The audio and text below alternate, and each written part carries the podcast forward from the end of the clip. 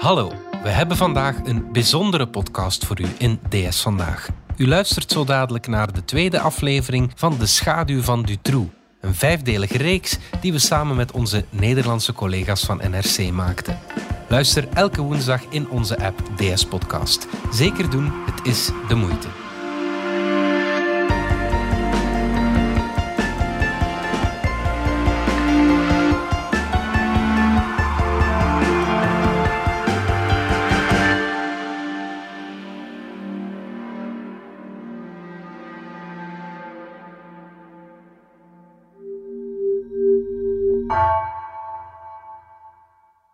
Goh, wat ik me daar nog van herinner, was gigantisch veel mensen. Iedereen was in het wit, veel witte slingers, vlaggen, lakens, zo. Dat herinner ik mij. Speeches. Maar van wie weet ik niet meer. Ik ben kwijt. Je voelde daar, dat was een verbondenheid, vond ik.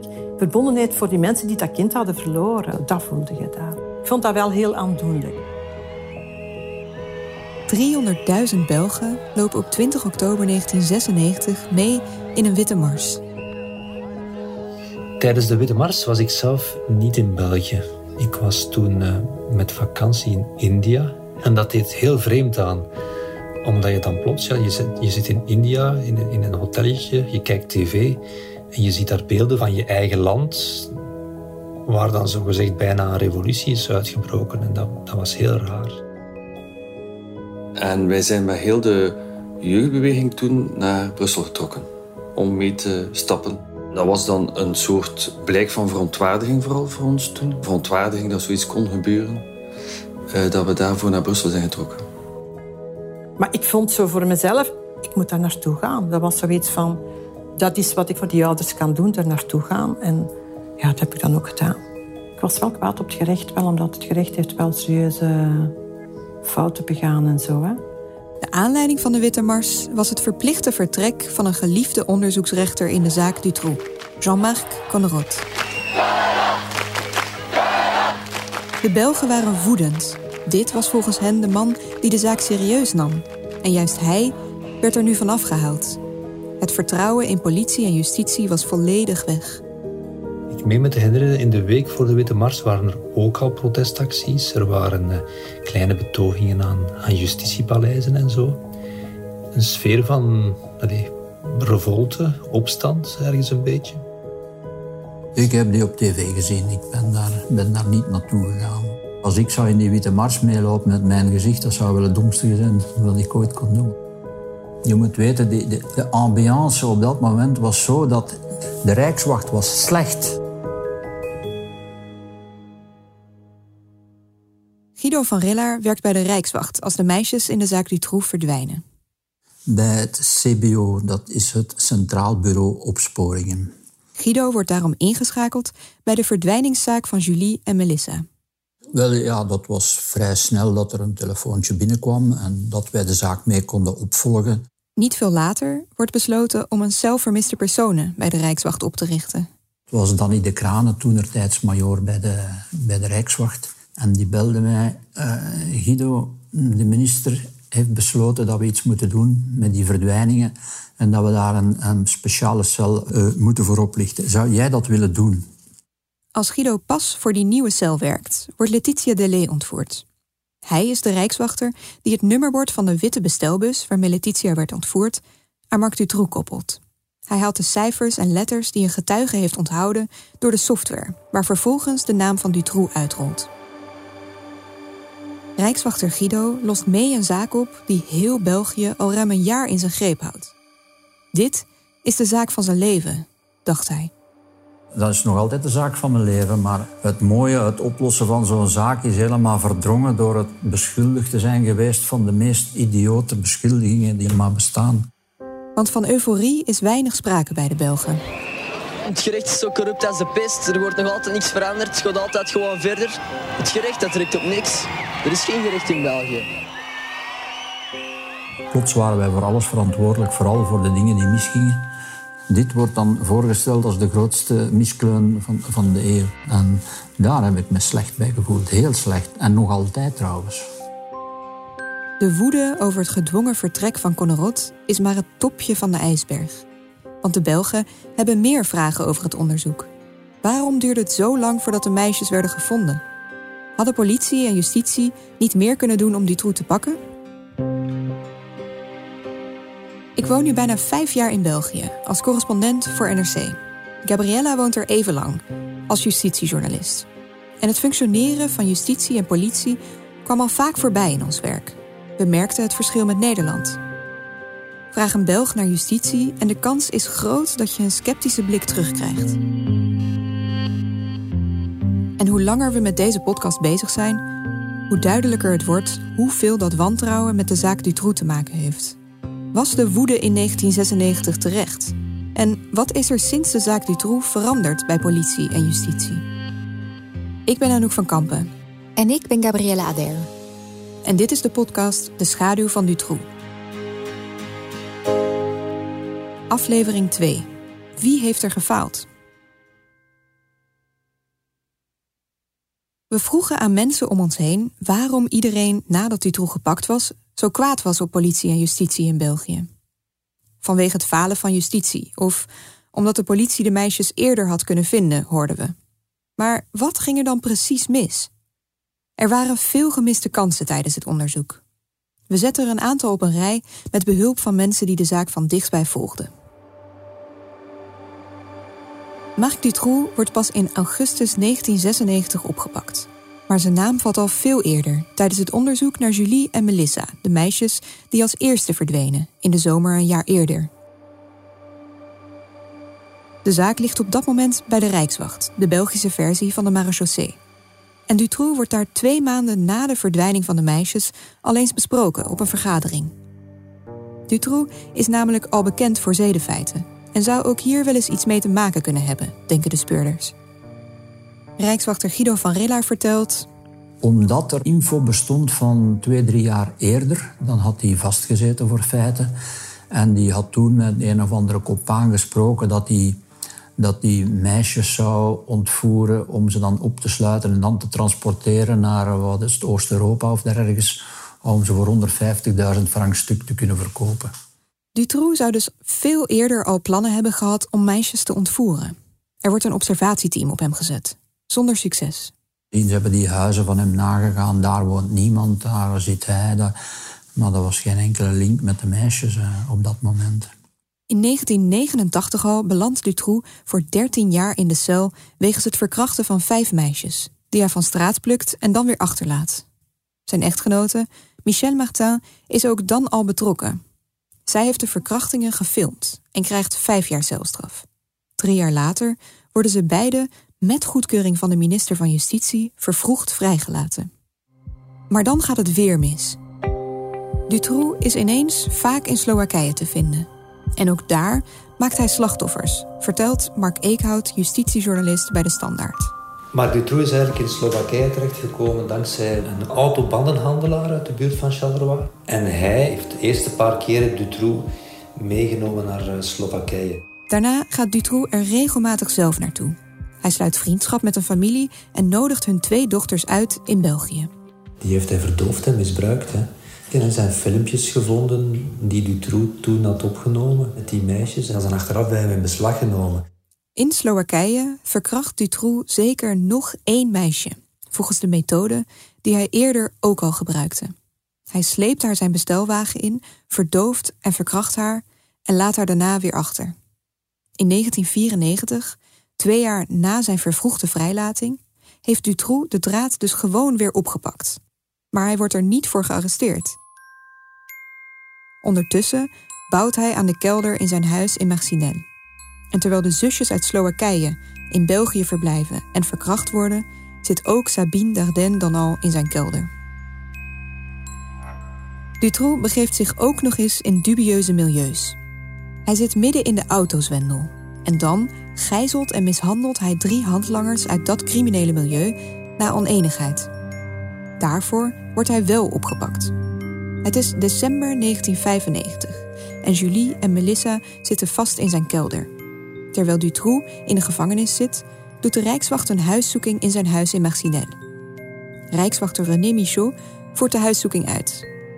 Guido van Rillaar legt uit hoe dat ging. Die is daar dan eens binnengegaan en in verband met die autodiefstal en heeft daar rondgekeken, heeft navraag gedaan en die kon niks melden. Achteraf heeft hij gezegd, als de zaak dan aan het licht kwam, ja, ik dacht nog dat ik kinderen hoorde, maar ik dacht dat het kinderen waren die buiten speelden. Michaud vindt daar onder meer ook vaginale crème, een speculum en flesjes chloroform. Als de gemiste kansen later naar buiten komen, wijzen de pers en familieleden van de slachtoffers op meer voorbeelden van laksheid in het onderzoek. Zo zegt de moeder van Anne. De eerste fout is geweest dat men de meisjes en de vrienden niet au serieus genomen heeft. Men staat altijd te verklaren dat de eerste 48 uren de meest belangrijkste, of zijn het de eerste 24 uren, de meest belangrijkste, maar die waren al voorbij alvorens men één stap gezet heeft. Tijdens de zoektocht naar Anne en Eefje valt de naam Dutroux nooit. Dus ja, dat waren, dat waren tal van elementen, maar nooit één concrete getuige gevonden. En niks wees naar ene Dutroux. Die naam is daar in die zaak nooit ter sprake geweest. Maar op 4 september 1995, een paar weken na de verdwijning van Anne en Eefje, krijgt het parket in Charleroi een brief. Hoewel Dutroux geen officiële baan heeft op dat moment, bezit hij opvallend genoeg wel allerlei huizen rondom Charleroi. De anonieme tipgeefster zegt dat ze in één van zijn huizen verdachte bewegingen heeft gezien. Er zouden s'nachts jonge meisjes worden binnen en buiten gebracht. De onderzoeksrechter legt het verband met de verdwijning van Anne en Eefje niet en de brief verdwijnt in een lade. Pas later blijkt dat de moeder van Dutroux de schrijfster van de brief was. De fouten stapelden zich dus op. Dutroux was al jaren bekend bij de politie voor zedefeiten. Hij werd vervroegd vrijgelaten door de minister van Justitie en ging gewoon door met verkrachten. Tijdens het onderzoek naar de verdwijningen viel Dutroux' naam al vrij snel, maar er gebeurde weinig mee. En zijn huis werd doorzocht terwijl de meisjes toen nog wel leefden en nog gered hadden kunnen worden. Na de arrestatie van Dutroux blijven slachtoffers en nabestaanden zitten met vragen. Onder wat voor omstandigheden overleden de kinderen? Wanneer overleden ze? Wat gebeurde er daarvoor met ze en hadden ze niet eerder bevrijd kunnen worden?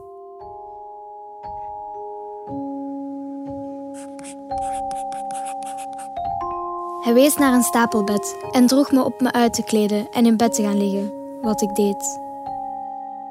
Meteen daarop deed hij een ketting om mijn hals die hij met een handslot vastmaakte aan het trapje van het bed. Vooraf fluisterde hij me toe: We gaan het doen. Dan hebben we dat ook alweer gehad. Vervolgens zei hij: Hou op met dat gejammer. Zoveel pijn doet dat niet. Alle meisjes doen dat. En de eerste keer doet het pijn. Ten slotte voegde hij eraan toe dat hij me een maand niet meer zou lastigvallen. Maar dat deed hij wel. Ik had nergens meer houvast aan. Ik praatte tegen mezelf, staarde naar de muren en plafond alsof het mogelijk was er doorheen te breken. Tweeënhalve maand lang geen normale dialoog. Ik werd horendol.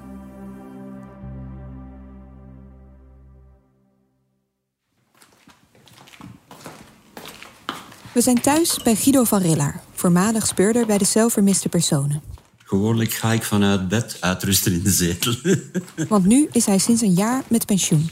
Ik doe normaal de puzzels altijd. Sudoku of cryptograms of zo. En dat allemaal achter de rug, dan is de voormiddag al bijna voorbij. 25 jaar geleden was Guido's leven een stuk stormachtiger. Hij en andere politiediensten kregen van alle kanten kritiek vanwege de fouten die na de arrestatie van Dutroux naar boven kwamen. Al wat toen, oh man, en, en wat, dat was, dat was ongelooflijk. Maar om te begrijpen hoe de politiefouten mogelijk waren, moeten we eerst even uitleggen hoe de politie toen werkte. Ten tijde van de ontvoeringen en de Witte Mars bestaat er in België een ingewikkeld gerechtsapparaat. Je hebt dan eigenlijk drie politiediensten in België, met verschillende groepen en lagen die in theorie samen horen te werken. De eerste is de gemeentelijke politie. Elke gemeente in België heeft een korps en een eigen politiecommissaris. Deze gemeentelijke politie houdt zich bezig met lokale zaken en taken. Dan is er de gerechtelijke politie. Die wordt aangestuurd door de verschillende parketten in het land en doet de gerechtelijke onderzoeken. En er is een derde dienst, de Rijkswacht, een soort militaire politie. Die werkt aan landelijke en aan lokale onderzoeken. Hier hoort Guido van Rillaar bij, Eerst bij de zedensectie, maar daarna bij een nieuw opgezette cel vermiste personen. De drie diensten werkten in principe samen, maar de verhoudingen waren niet altijd helemaal duidelijk. En er was een communicatieprobleem. Terwijl de onvrede over het optreden van al die politiediensten tijdens de zaak Dutroux groeit, wordt besloten dat er een parlementair onderzoek moet komen. Op 24 oktober 1996, enkele dagen na de Witte Mars, moeten Rijkswacht, politie en onderzoeksrechters voor een parlementaire commissie verschijnen. Ook Rijkswachter Guido van Rillaar moet komen opdraven. Heel België kan meegenieten van de aanvaringen tussen de commissieleden en leden van politie en justitie. Alles valt namelijk live te volgen op tv. De publieke televisiezender RTBF zendt de verhoren seconde per seconde uit. Het is voor het eerst dat heel België een commissie en het functioneren van het gerecht van zo dichtbij kan volgen. Daar werden we dan ontvangen, binnengeleid, om plots voor een horde fotografen en journalisten en micro's te staan. En die struikelden over elkaar en die lagen met drie, vier op de grond. En ik begreep dat niet, ik had dat nog nooit meegemaakt. Guido wordt vier keer verhoord over de zaak waar hij maandenlang aan werkte. Hij was intensief betrokken bij de ontknoping, maar voor de commissie voelt hij zich bijna een misdadiger, vertelt hij. De stoer uitziende politiecommissaris is nog altijd aangedaan als hij erover spreekt. Onze gsm's werden afgenomen. Als wij naar het toilet gingen, dan was dat onder begeleiding. Dus wij waren in C aangehouden. En wij zaten daar op een stoel, wat ik ervaar als, later als de beklaagde stoel. Ongelooflijk. De commissieleden onderwerpen hem aan een vragenvuur. Wat voor vragen stelden ze daar aan u? De meest idiote vragen die ik ooit in mijn leven gehad heb. Zoals bijvoorbeeld, heeft u niet, wetende dat Dutroux de dader was, gewacht tot er genoeg meisjes ontvoerd waren om dan triomfantelijk naar buiten te komen met de grootste vangst van de eeuw? En zo wordt de sfeer in de zaal steeds grimmiger. Een ontluisterende vertoning is het geworden. Rijkswachters en magistraten mochten opnieuw komen uitleggen waarom ze geen aandacht hebben geschonken aan een spoor naar Dutroux als mogelijke dader van de ontvoering van Julie en Melissa. Het leek veel op een herhaling van wat al eerder is opgevoerd tijdens andere zittingen van de commissie. Communicatiestoornissen, misverstanden, gebrek aan creativiteit, maar ook logge structuren. De verschillende getuigen geven elkaar tijdens de verhoren voor de commissie telkens de schuld. Zo weet Guido nog goed hoe een onderzoeksrechter volgens hem ineens deed alsof ze tijdens het onderzoek naar Julie en Melissa nooit Dutroux naam had gehoord. Onderzoeksrechter van Luik, mevrouw Doetreeuwen. Ik had die dame in die zaak al twee, drie keer ontmoet. In welke zaak? In de zaak Julie en Melissa. Ja. Dat was een heel toffe dame. Ja. Maar plots had hij een advocaat in de arm genomen en die had een hele opleiding gevolgd hoe voor een commissie te zitten en goed over te komen en. Op de commissie komt hij toe en die beweert daar dat ze nooit van die zaak is op de hoogte gebracht geweest. Doutrève zegt dus niet eerder van Dutroux te hebben gehoord. Maar een adjudant van de Rijkswacht, meneer Lesage, zegt tegen de commissie het tegenovergestelde. Hij vertelt daar ik informeerde onderzoeksrechter Doutrève zelf tijdens een vergadering. Ze wist dus dat Dutroux een mogelijke verdachte was. Het wordt een gênante vertoning waarbij de twee lijnrecht tegenover elkaar staan en duidelijk is dat een van beiden wel moet liegen. En als dat aan de gang is, vind ik een document terug. Guido pakt een velletje met aantekeningen uit een map. Dat is een van mijn notulen op datum van aantekeningen die hij maakte na de bewuste vergadering waarover Lesage het had. Dat eerste stuk. Adjudant. Lesage was de man. Het handschrift op de kopie is een beetje moeilijk te lezen, maar wat er staat maakt volgens Guido glashelder wie hier aan het liegen was.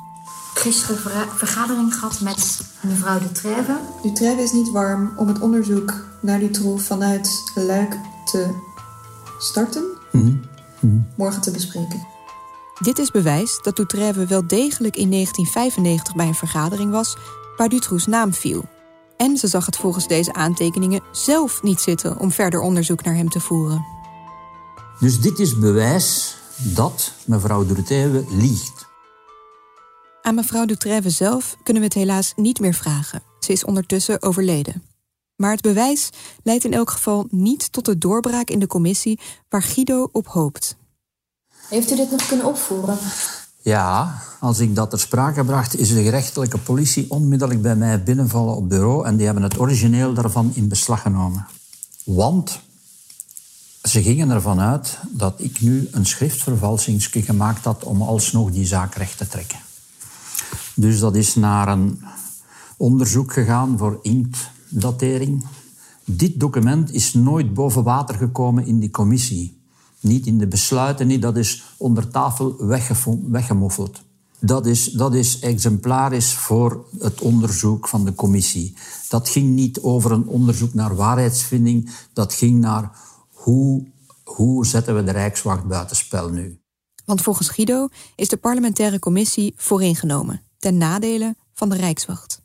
Had u ook het idee dat er een, een, een soort sfeer was van hè, het hele land is hier naar aan het kijken? Ja. Um, ja, iemand moest hangen, ja. zeg maar. Ja, zeker weten.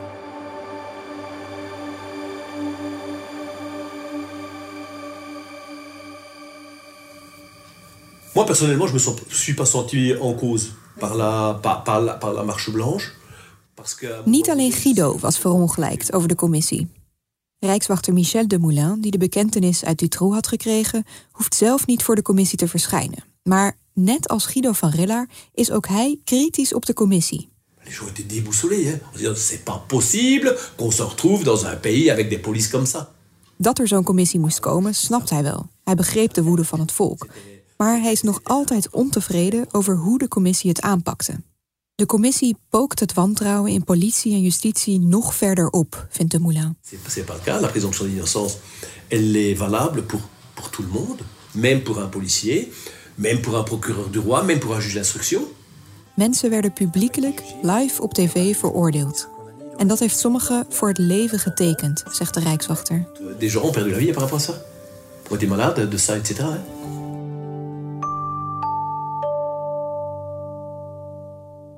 Ze werden hard aangepakt. Te hard, vonden ze. Maar hoe kijken de mensen die in de parlementaire commissie zaten zelf eigenlijk terug op die tijd? En wat kwam er uit de commissie? Op een van de eerste zomerse dagen van het jaar zijn we in Knokkenheist aan de Belgische kust voor opnames bij Mark Verwilgen en zijn vrouw. Ik wist niet dat het een uh, met uh, hoe noem je het? Audio. Audio. Dit is een podcast, is dat Oh schat, maar dat wist ik niet. Ze passen op de puppy van hun dochter. En hoe vaak komt uh, Kuddels, hè, heet hij? Nu toevallig, omdat mijn dochter aan zee is en ze moet naar de dierenarts. Maar het halsbandje maakt iets te veel lawaai voor audio-opnames. Ik had dat uitgedaan als ze bij mij zat. En anders belt dat, hè, Verturen. Wij doen haar dat aan, omdat anders snapt het erop. Ja, want soms die loopt in de voeten en... Uh, Mark Verwilgen is een lange, vriendelijke man met een open blik. Hij luistert, analyseert en kiest zijn woorden zorgvuldig.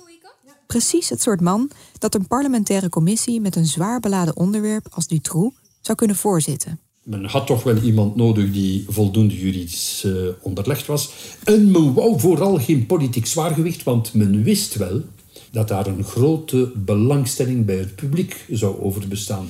En uh, op die manier ben ik uiteindelijk aangezocht geweest. Verwilgen zegt niet direct ja. Ik wist uit ervaring dat lid zijn van een parlementaire onderzoekscommissie en voornamelijk voorzitter ervan worden, dat dat uh, een hele, hele zware taak zal worden. Ik heb, ik denk, een 48 uur bedenktijd uh, genomen en dat heb ik toegezegd. Verwilgen benadrukt dat de commissie geen heksenjacht maakte op de Rijkswacht of op andere politiediensten. Maar tijdens de hoorzittingen begint hij zich wel steeds meer aan de politie te ergeren. Toen was er echt passiviteit en beloop.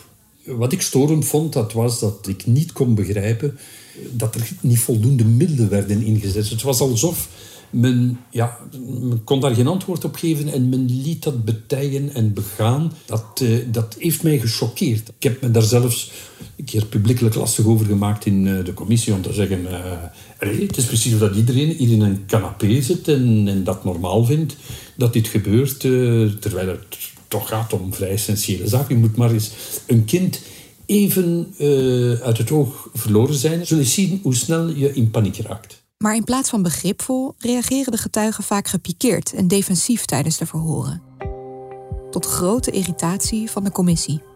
Veel gaat ook in het geheugen bij de ondervraagden, zoals bijvoorbeeld bij adjudant Van Rillaar van het Centraal Bureau voor Opsporingen van de Rijkswacht. Ja, maar ik kan, ik kan moeilijk antwoorden in de plaats van de mensen die het formulier behandeld of niet behandeld of wat dan ook mee gedaan hebben. Ik kan toch moeilijk mij in hun plaats stellen. Ik, als u vraagt wat er daarmee gebeurt, meneer de voorzitter, ik kan er niet op antwoorden, want ik weet, ik, met de beste wil van de wereld. De commissieleden werden vaak boos bij het horen van de getuigenissen. Verwilgen en met hem miljoenen ouders in België die de verhoren live meevolgen, schaarden zich volledig achter de wanhopige woede van de nabestaanden. Je kon die publiekelijk zien leiden op het tv-scherm, omdat die geen antwoorden kregen op, op hun vragen. Die, die, die, die mensen waren, die waren uitzinnig van woede dat, dat dat niks gebeurde. Dus ik heb dat op die manier uh, meegemaakt, van op een zekere afstand, maar toch ook met de volle empathie voor wat daar gebeurde. Aan Mark Verwilgen de taak om er tijdens de verhoren achter te komen hoe het mogelijk was dat die verdwijningen konden gebeuren. Verwilgen groeit in die tijd uit tot de Witte Ridder, zoals ze hem dan noemen. De held van het boze volk. Hij zou justitie en politie aanpakken.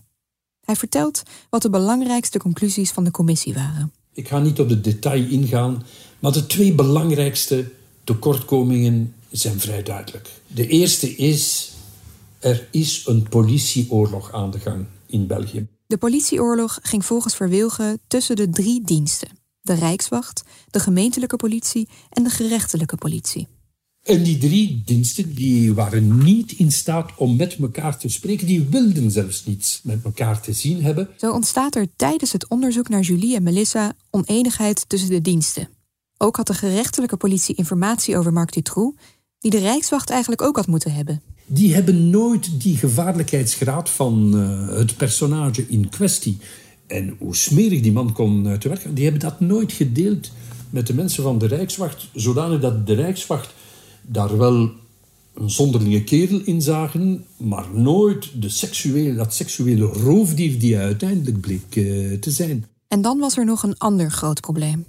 Het gerechtelijk apparaat bleek absoluut niet aangepast te zijn om deze vorm van criminaliteit te bestrijden. Omdat die waren ingedeeld in 27 parketten. Er bestond toen nog geen overkoepelend federaal parket, zoals nu wel het geval is. Dus 27 gerechtelijke arrondissementen voerden ieder op zich een uh, gerechtelijk onderzoek. En als die dan al eens informatie hadden moeten gaan inwinnen, aan de andere kant van de taalgrens of in een ander parket, ja, dan kwam dat er niet van. Die informatiedoorstroming was nihil. Informatie over een ontvoering in Luik, zoals bij Julie en Melissa, kwam nauwelijks of niet terecht bij het team dat een ontvoering in bijvoorbeeld Blankenberg onderzocht, waar Anne en Eefje verdwenen. En wat ze in Charleroi over Dutroux wisten, belandde niet altijd in Luik. De commissie was soms hard, geeft Verwilgen toe. In 1997 sluit de commissie in een lijvig rapport af met een pittige constatering: dat de gebrekkige werking van het Belgische strafrecht voor aanzienlijke problemen zorgt, die de rechtsstaat in gevaar brengen. Justitie en politie krijgen er in het rapport op alle niveaus flink van langs. Het doet het vertrouwen van de Belgen in justitie weinig goeds. Ook nu nog herinneren mensen uit onze omgeving zich het falen van het gerecht. Zelfs diegenen die het nooit bewust hebben meegemaakt. Ik ben er nu 28 en ik denk als ik op de lagere school zat dat ik een jaar of 11, 12, zoiets zal geweest zijn. Ik kan me nog vaak herinneren dat in die periode dat dat onderwerp terug ter sprake kwam. En dat we op een gegeven moment beelden te zien kregen van de Witte Mars, omdat dat een van de grootste ja, opmarsen was hier in België. Gekoppeld aan het verhaal van Marc Dutroux zelf. En dat is maar iets wat mij en mijn klasgenoot ongetwijfeld altijd is bijgebleven.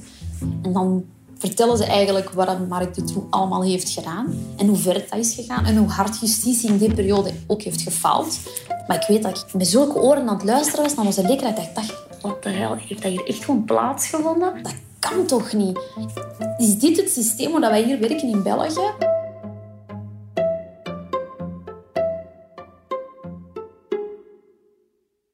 Een half jaar na de Witte Mars komen de uitkomsten van de commissie Dutroux dus terecht in een dik rapport. Er worden aanbevelingen gedaan om een drama als dat van de zaak Dutroux in de toekomst te voorkomen. Maar gebeurt er daarna ook echt wat? zien politie en justitie er vandaag, 25 jaar later, anders uit dan voor de zaak Dutroux. We bespreken het met advocaat Joris van Kouter. Ik denk dat het feit dat ik rechten ga studeren heb, voor een groot stuk te maken heeft met de zaak Dutroux. Dat zoeken naar de waarheid heeft mij wel aangesproken. En ik ben, denk ik, rechten gaan studeren vanuit een insteek van, ja, misschien word ik wel onderzoeksrechter. Maar je werd advocaat. Maar ik ben advocaat geworden. Van Kouter schreef als student rechten zijn afstudeerthesis over een deel van de hervormingen die werden doorgevoerd naar aanleiding van de parlementaire commissie. De eenmaking van de politie is een van de belangrijkste, waar dat zeer veel verzet intern geweest is bij de politiediensten.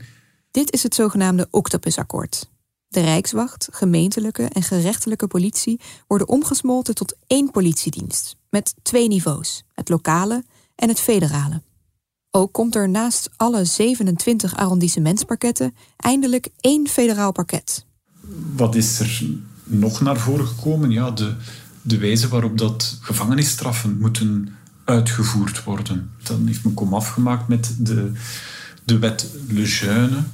Tot dan toe was het de minister van Justitie die hoogstpersoonlijk besliste of een gedetineerde eerder vrij mocht komen. Zoals ook bij Dutroux het geval was geweest toen hij vervroegd vrijkwam na de eerste verkrachtingen. Allee, wat weet de minister daarvan? Is dat zijn taak ook om dat te gaan doen? Dat is iets absurd. Hè? En dan heeft men commissies opgericht in 1998. Die bestonden uit, uit, mensen die veel dichter bij die gedetineerden stonden. Uh, ja, met meer kennis van zaken konden oordelen of dat iemand om vroeger vrij te komen. Dan wordt ook de wet Franchimont ingevoerd. Die moest tegemoetkomen aan het gevoel van machteloosheid dat de ouders van Dutroux slachtoffers beschrijven. Het gevoel dat er niet naar hen werd geluisterd toen hun dochters vermist waren. Je kan als partij in gerechtelijk onderzoek, het zij slachtoffer, burgerlijke partij, het zij verdachte, in verdenking gestelde, kan je inzage vragen in het dossier. En heb je de mogelijkheid om het ook bij te sturen. Je kan vragen aan de onderzoeksrechter, zou je dat spoor willen onderzoeken, of zou je dat spoor willen onderzoeken, of zou je die man of vrouw willen ondervragen. Dat kan je nu allemaal vragen. Ja, dus eigenlijk de slachtoffers die een meer, meer erkenning, kan ik het zo noemen? Of meer... Een stem, een, stem, een stem in de procedure krijgen, werkelijk. De affaire Dutroux heeft dus voor heel wat veranderingen gezorgd bij politie en justitie. Die veranderingen werden grotendeels ingevoerd door dezelfde Mark Verwilgen, die ook voorzitter van de parlementaire commissie was. Hij werd minister van Justitie en mocht dus de aanbevelingen van zijn eigen commissie gaan doorvoeren. Maar hebben die veranderingen ook het vertrouwen van de Belgen kunnen terugwinnen? Uh, ik vrees ervoor. Dat is een, een Sisyphus-arbeid. Vertrouwen in justitie. Ik heb de indruk dat een, een, een zware rotsblok is die er alsmaar naar boven wordt probeert gerold te worden en, en, en er steeds opnieuw door een of ander incident naar beneden komt. Een Sisyphus-arbeid, zegt Van Kouter. Want niet alle problemen bij politie en justitie raakten sinds de jaren 90 opgelost. 25 jaar na de Witte Mars blijft justitie in België een gevoelig thema. En een groot deel van de bevolking blijft kritisch. In Nederland heeft zo'n twee derde van de bevolking vertrouwen in de rechtsstaat. In België is dat minder dan de helft.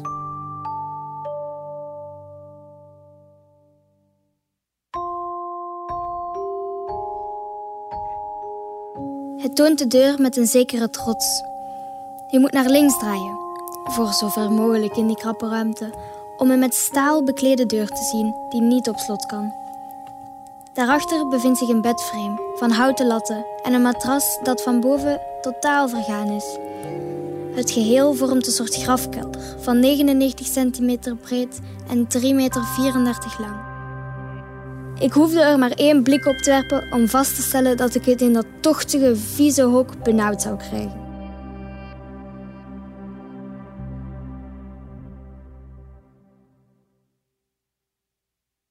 Sabine zat 80 dagen vast in het tochtige, vieze hok voordat ze bevrijd werd. De Rijkswacht hielp mee bij het vinden van Dutroux, bij de ondervragingen en bij de uiteindelijke bevrijding van Sabine en Letitia. Maar voor Rijkswachter Guido van Rillaar voelt het na de Witte Mars en de parlementaire commissie toch alsof er geen enkel vertrouwen meer is in hem en in zijn collega's. Zij zijn de gebeten hond. Maar hij vindt dit onterecht. Niemand had volgens hem de zaak eerder kunnen oplossen. Kijk, dat is wat er komt. Dit is het eerste. Guido haalt zijn laptop tevoorschijn en opent een oud PowerPoint-document dat hij ooit maakte voor collega's in het buitenland. Er verschijnt een plattegrond van België. Je hebt Julie en Melissa in Grasselonje op de kaart aangeduid. Hij wijst naar het oosten op de plattegrond. Dan 22 Annen even, dus we verhuizen van hier naar daar, aan zee. Guido wijst nu naar het noordwesten van de plattegrond. Dan hebben we Sabine Dardenne. We hadden eentje hier, we hadden eentje daar. En dit is aan de Franse grens in Caen, Sabine Dardenne. Ten slotte gaat Guido's wijsvinger helemaal naar beneden. En dan richting Luxemburg. Dat is dan hier. Dus dit is Letitia? Maar dat zijn de plaatsen, dat is België. En dat zijn de plaatsen waar ze verdwijnen. Ja. Dit is dus niet rond één stadje of zoiets. Hè. Dutroux heeft de meisjes uit letterlijk alle hoeken van België ontvoerd. Ook waren ze van verschillende leeftijden. De politie kon dus moeilijk overeenkomsten in ontvoeringen vinden. Dus achteraf zei, ah, maar had dat toch allemaal direct aan elkaar moeten linken en dat allemaal zien. Maar zo evident is dat niet, hè. En de ontvoeringen kwamen bij verschillende politiediensten terecht. Gendarmerie, Oostende gerechtelijke politie, Bertrie de gerechtelijke politie, Charleroi, de BOB. Guido neemt ons verder mee door de PowerPoint-presentatie. Maar nu laat ik even zien waarom ze dat niet gevonden en waarom René Michaud dat niet gevonden. Dit is de ingang van het huis. Ja. Rijkswachter René Michaud is de man die een huiszoeking deed bij Marc Dutroux toen hij verdacht werd van autozwendel. De Rijkswachter zag Julie en Melissa over het hoofd, maar verklaarde wel kinderen te hebben gehoord. Meneer Dutroux was al, was al opgepakt, maar nu gingen ze die huiszoeking doen. Ja. We zien foto's van de dag dat Dutroux bekend heeft en dat Sabine en Letitia bevrijd worden. Guido laat eerst een foto zien van de ingang van een triest verouderd rijtjeshuis. Er staat een groep mannen, enkele in politieuniform. Dutroux is mee, zien we op de foto. En dan volgen er foto's van de binnenkant van zijn huis. Aftans, vol met troep en met oude spullen. De kelder kom je hier binnen. En dat was dan allemaal kelder. En hier zaten de meisjes in, in dat stukje. We moeten van Guido raden achter welke deur de kleine ruimte verstopt zit waar de meisjes vastgehouden werden. Dit is de deur waar achter de meisjes Nee. zitten, of niet? Dat is links, waar al die flessen staan. Dat is de deur. De deur is een stellingkast. Je kan dus van buiten niet zien dat het een deur is. Geen wonder dat Rijkswachter René Michaud Julie en Melissa niet had gevonden. Dit is Dutroux zelf die openmaakt. Op de foto zien we hoe Marc Dutroux de gigantisch dikke deur opent. We snappen dat je daar nauwelijks geluid doorheen hoort. Want niemand heeft dat gevonden. En u begrijpt misschien beter waarom. Hè? Ja, ja. Ah, ja. Het ziet er echt Dus, eh, absoluut niet uit als een deur. dus je moet eerst de rekken leegmaken. En dan is het al een beetje opengetrokken. En dan trekt hij het naar achter. En dan gaat hij zo open. Als de deur eenmaal geopend is, komen Letitia en Sabine huilend tevoorschijn.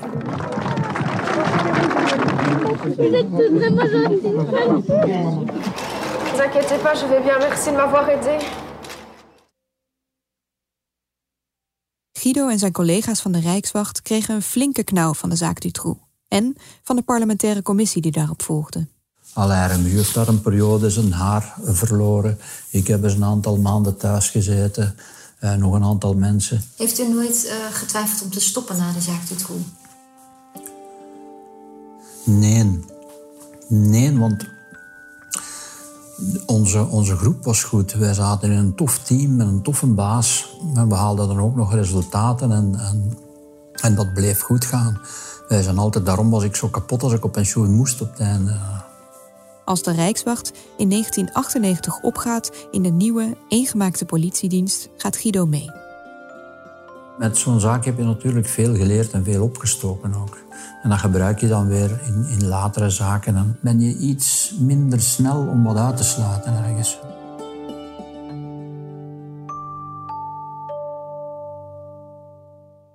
Politie en justitie, en met name de Rijkswacht, worden in een eerste rapport van de parlementaire commissie dus hard aangepakt. Maar het is nog niet bevredigend voor voorzitter Mark Verwilgen.